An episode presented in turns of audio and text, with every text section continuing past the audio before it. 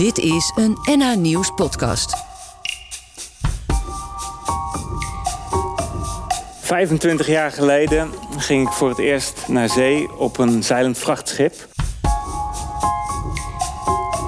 Daar veranderde in feite mijn leven.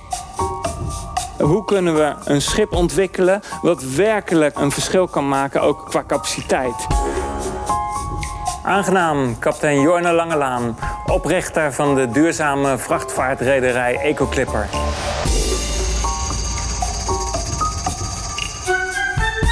Een tocht op een zeilschip in de Caraïbe is bepalend voor Jorners verdere leven. Duurzame emissieloze vrachtvaart op windkracht laat hem niet meer los.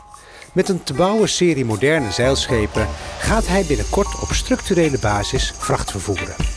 In Rue Paré, een huis voor de buurt in Amsterdam Nieuw-West, spreekt hij voor onze groep strijders. Gewone mensen die gedreven worden door iets waar ze in geloven. Samen met andere aanwezigen zijn ze elkaars publiek. Op de sokkel naast hem heeft hij een houten doos staan waar hij later een scheepsmodel uithaalt. Met dit model onder de arm gaat hij bij financiers langs om zijn droom te verwezenlijken. Dit is het podium waarop inspirerende Noord-Hollanders ons vertellen wat hen drijft. Dit is de plek voor onze strijders. 25 jaar geleden ging ik voor het eerst naar zee op een zeilend vrachtschip. Dat was uh, in het Caribisch gebied op uh, de Schoener Avontuur. In die tijd was het echt zo dat uh, ja, duurzaamheid en zo. Ja, er waren misschien wat wetenschappers die wel eens van klimaatverandering gehoord hadden, maar het was echt niet echt een ding. Maar er was dus nog één zeilend vrachtschip die duurzaam, emissievrij vracht vervoerde rond de eilanden van het Caribisch gebied. En daar veranderde in feite mijn leven. ik monsterde daar aan bij uh, oude kapitein, kapitein uh, Paul Walen. En die voer allerlei verschillende producten, uh, meestal vanaf Sint Maarten, tussen Sint Maarten, Anguilla, Dominica en Montserrat. Steeds een rondje, elke week een rondje. Met name bevoorraden we supermarkten. rond die tijd was in Montserrat was een vulkaanuitbarsting. De normale logistiek of, of de conventionele logistiek die was eigenlijk aan banden gelegd. En hij speelde daarop in. Niet eens zozeer uit een echt idee van duurzaamheid, maar toch wel had hij zo het gevoel van ja, dit is eigenlijk de enige goede manier om over zee vracht te vervoeren. En die lont, die, die vlam, die kreeg ik daar te pakken. En ik werd daar geïnspireerd om dat ook te gaan doen. Ik was daar eigenlijk heen gegaan voor het avontuur. Dat schip waar we op voeren, dat heette ook de avontuur. En het was ook één groot avontuur. Maar ja, daarna ging ik weer op andere schepen varen. Op sleeboten heb ik gevaren, op motorvrachtschepen, op loodsboten, op allerlei verschillende soorten schepen. Maar die zeilende vrachtvaart, dat vrachtvervoeren door middel van de wind, dat bleef bij me. En dat, dat kon ik niet loslaten. En ongeveer tien jaar later, 2007 ging ik met twee compagnons Fair Transport heb ik opgericht. Ook een, um, een zeilende vrachtvaartrederij. Uh, of eigenlijk een, een, een rederij waarmee we wilden laten zien... dat het mogelijk was om um, zeilend goederen te vervoeren. 25 jaar geleden op de avontuur was dat het enige schip. En in, uh, in 2007 waren wij eigenlijk weer de enige. We kochten een, uh, ja, wat de meeste mensen een oud wrak zouden noemen... In Delft in in een We konden dat schip naar Den Helder varen... waar we een herbouw begonnen. En we hadden gepland om ongeveer een jaar bezig te zijn... om dat schip helemaal op te knappen.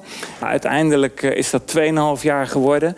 We hebben dat met ongeveer 150 uh, vrijwilligers van meer dan 20 uh, nationaliteiten helemaal opgebouwd. En het eerste wat we met dat schip deden was de motor eruit halen. Als een statement om te laten zien dat het echt mogelijk zou zijn om zonder uh, fossiele brandstoffen vracht te gaan vervoeren. Duurzaamheid kwam wel op, 2007. Maar het was nog steeds wel zo dat iedereen zei... ja, jullie zijn knettergek. Maar er waren toch ongeveer uh, eh, 10% van de mensen of zo... die dachten van nou, dit, dit, is wel, uh, dit is wel een goed idee.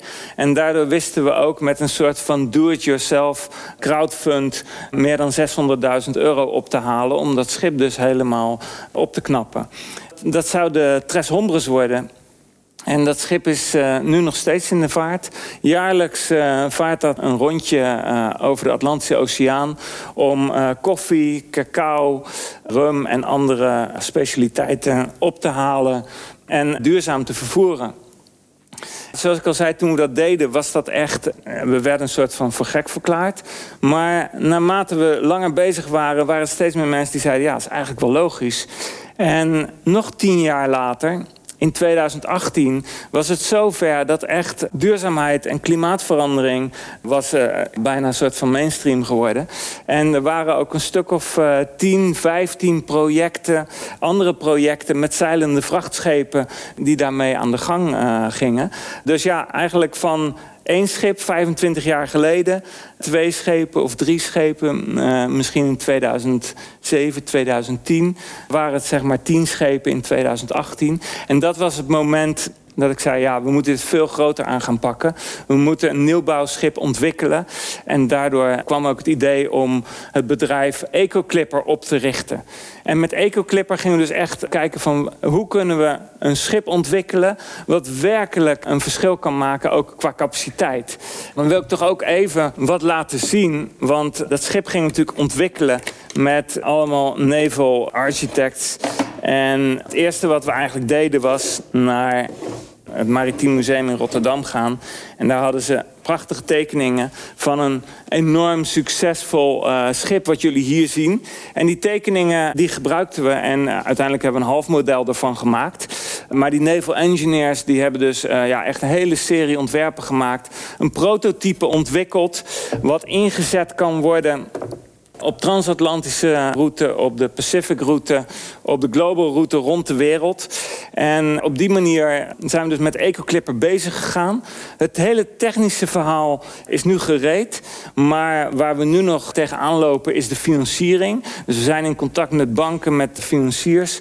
En op dit moment hebben we een coöperatie opgericht. Een coöperatie waar leden samen kunnen komen om met elkaar dit soort schepen te financieren, maar ook te, reden. Dus eigenlijk het hele management er omheen te maken. En nu hebben we dan ook als tussen, tussenoplossing, omdat we dit schip nog niet konden financieren, weer een oud schip gekocht, wat op dit moment wordt afgebouwd voor een Noordzeeroute. En dit schip gaat deze zomer varen, de Tukker, en gaat uh, met passagiers en vracht varen. En jullie worden allemaal uitgenodigd om met ons in zee te gaan. Ahoy!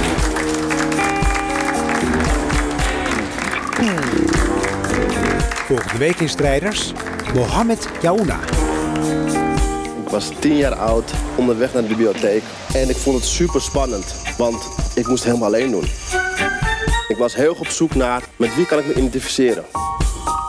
En de jongeren werden in plaats van eh, weggestuurd van pleintjes... nu met open armen ontvangen door de buurt.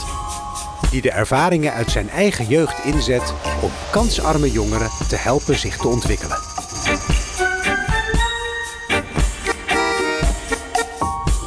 Dit was een NA Nieuws podcast.